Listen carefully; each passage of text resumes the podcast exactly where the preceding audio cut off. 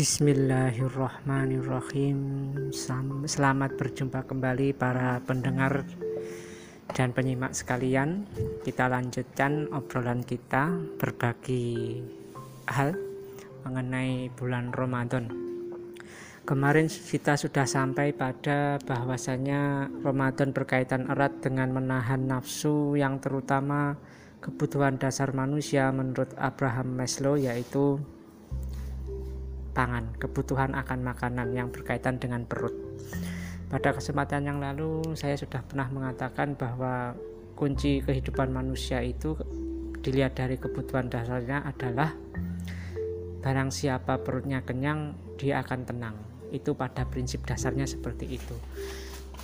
Lalu jika seseorang itu tenang dengan kekenyangan, kenapa kita harus disuruh berlapar-lapar, berdahaga, selama bulan Ramadan selama satu bulan itu tidak lain juga adalah untuk sarana pendidikan bagi nafsu manusia. Manusia itu sebetulnya memiliki banyak keinginan, banyak angan-angan dan banyak nafsu.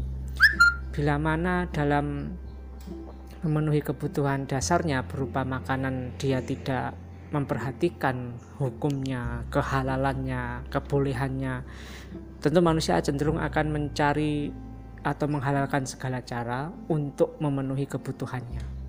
Nah, Islam sebagai agama yang tahu akan jati diri manusia itu, yang mengerti dan paham fitrah manusia, jika manusia dibiarkan akan liar seperti itu, maka memerintahkan atau uh, ya bisa dikatakan memaksa manusia untuk berpuasa, untuk menahan diri. Sehingga dengan satu bulan dari 12 bulan dalam setahun itu manusia setidak-tidaknya bisa mengendalikan sisi liar dari keinginannya untuk memenuhi perutnya, untuk memenuhi kebutuhan dasarnya. Sehingga dia juga akan tumbuh nanti ketika merasakan yang namanya lapar.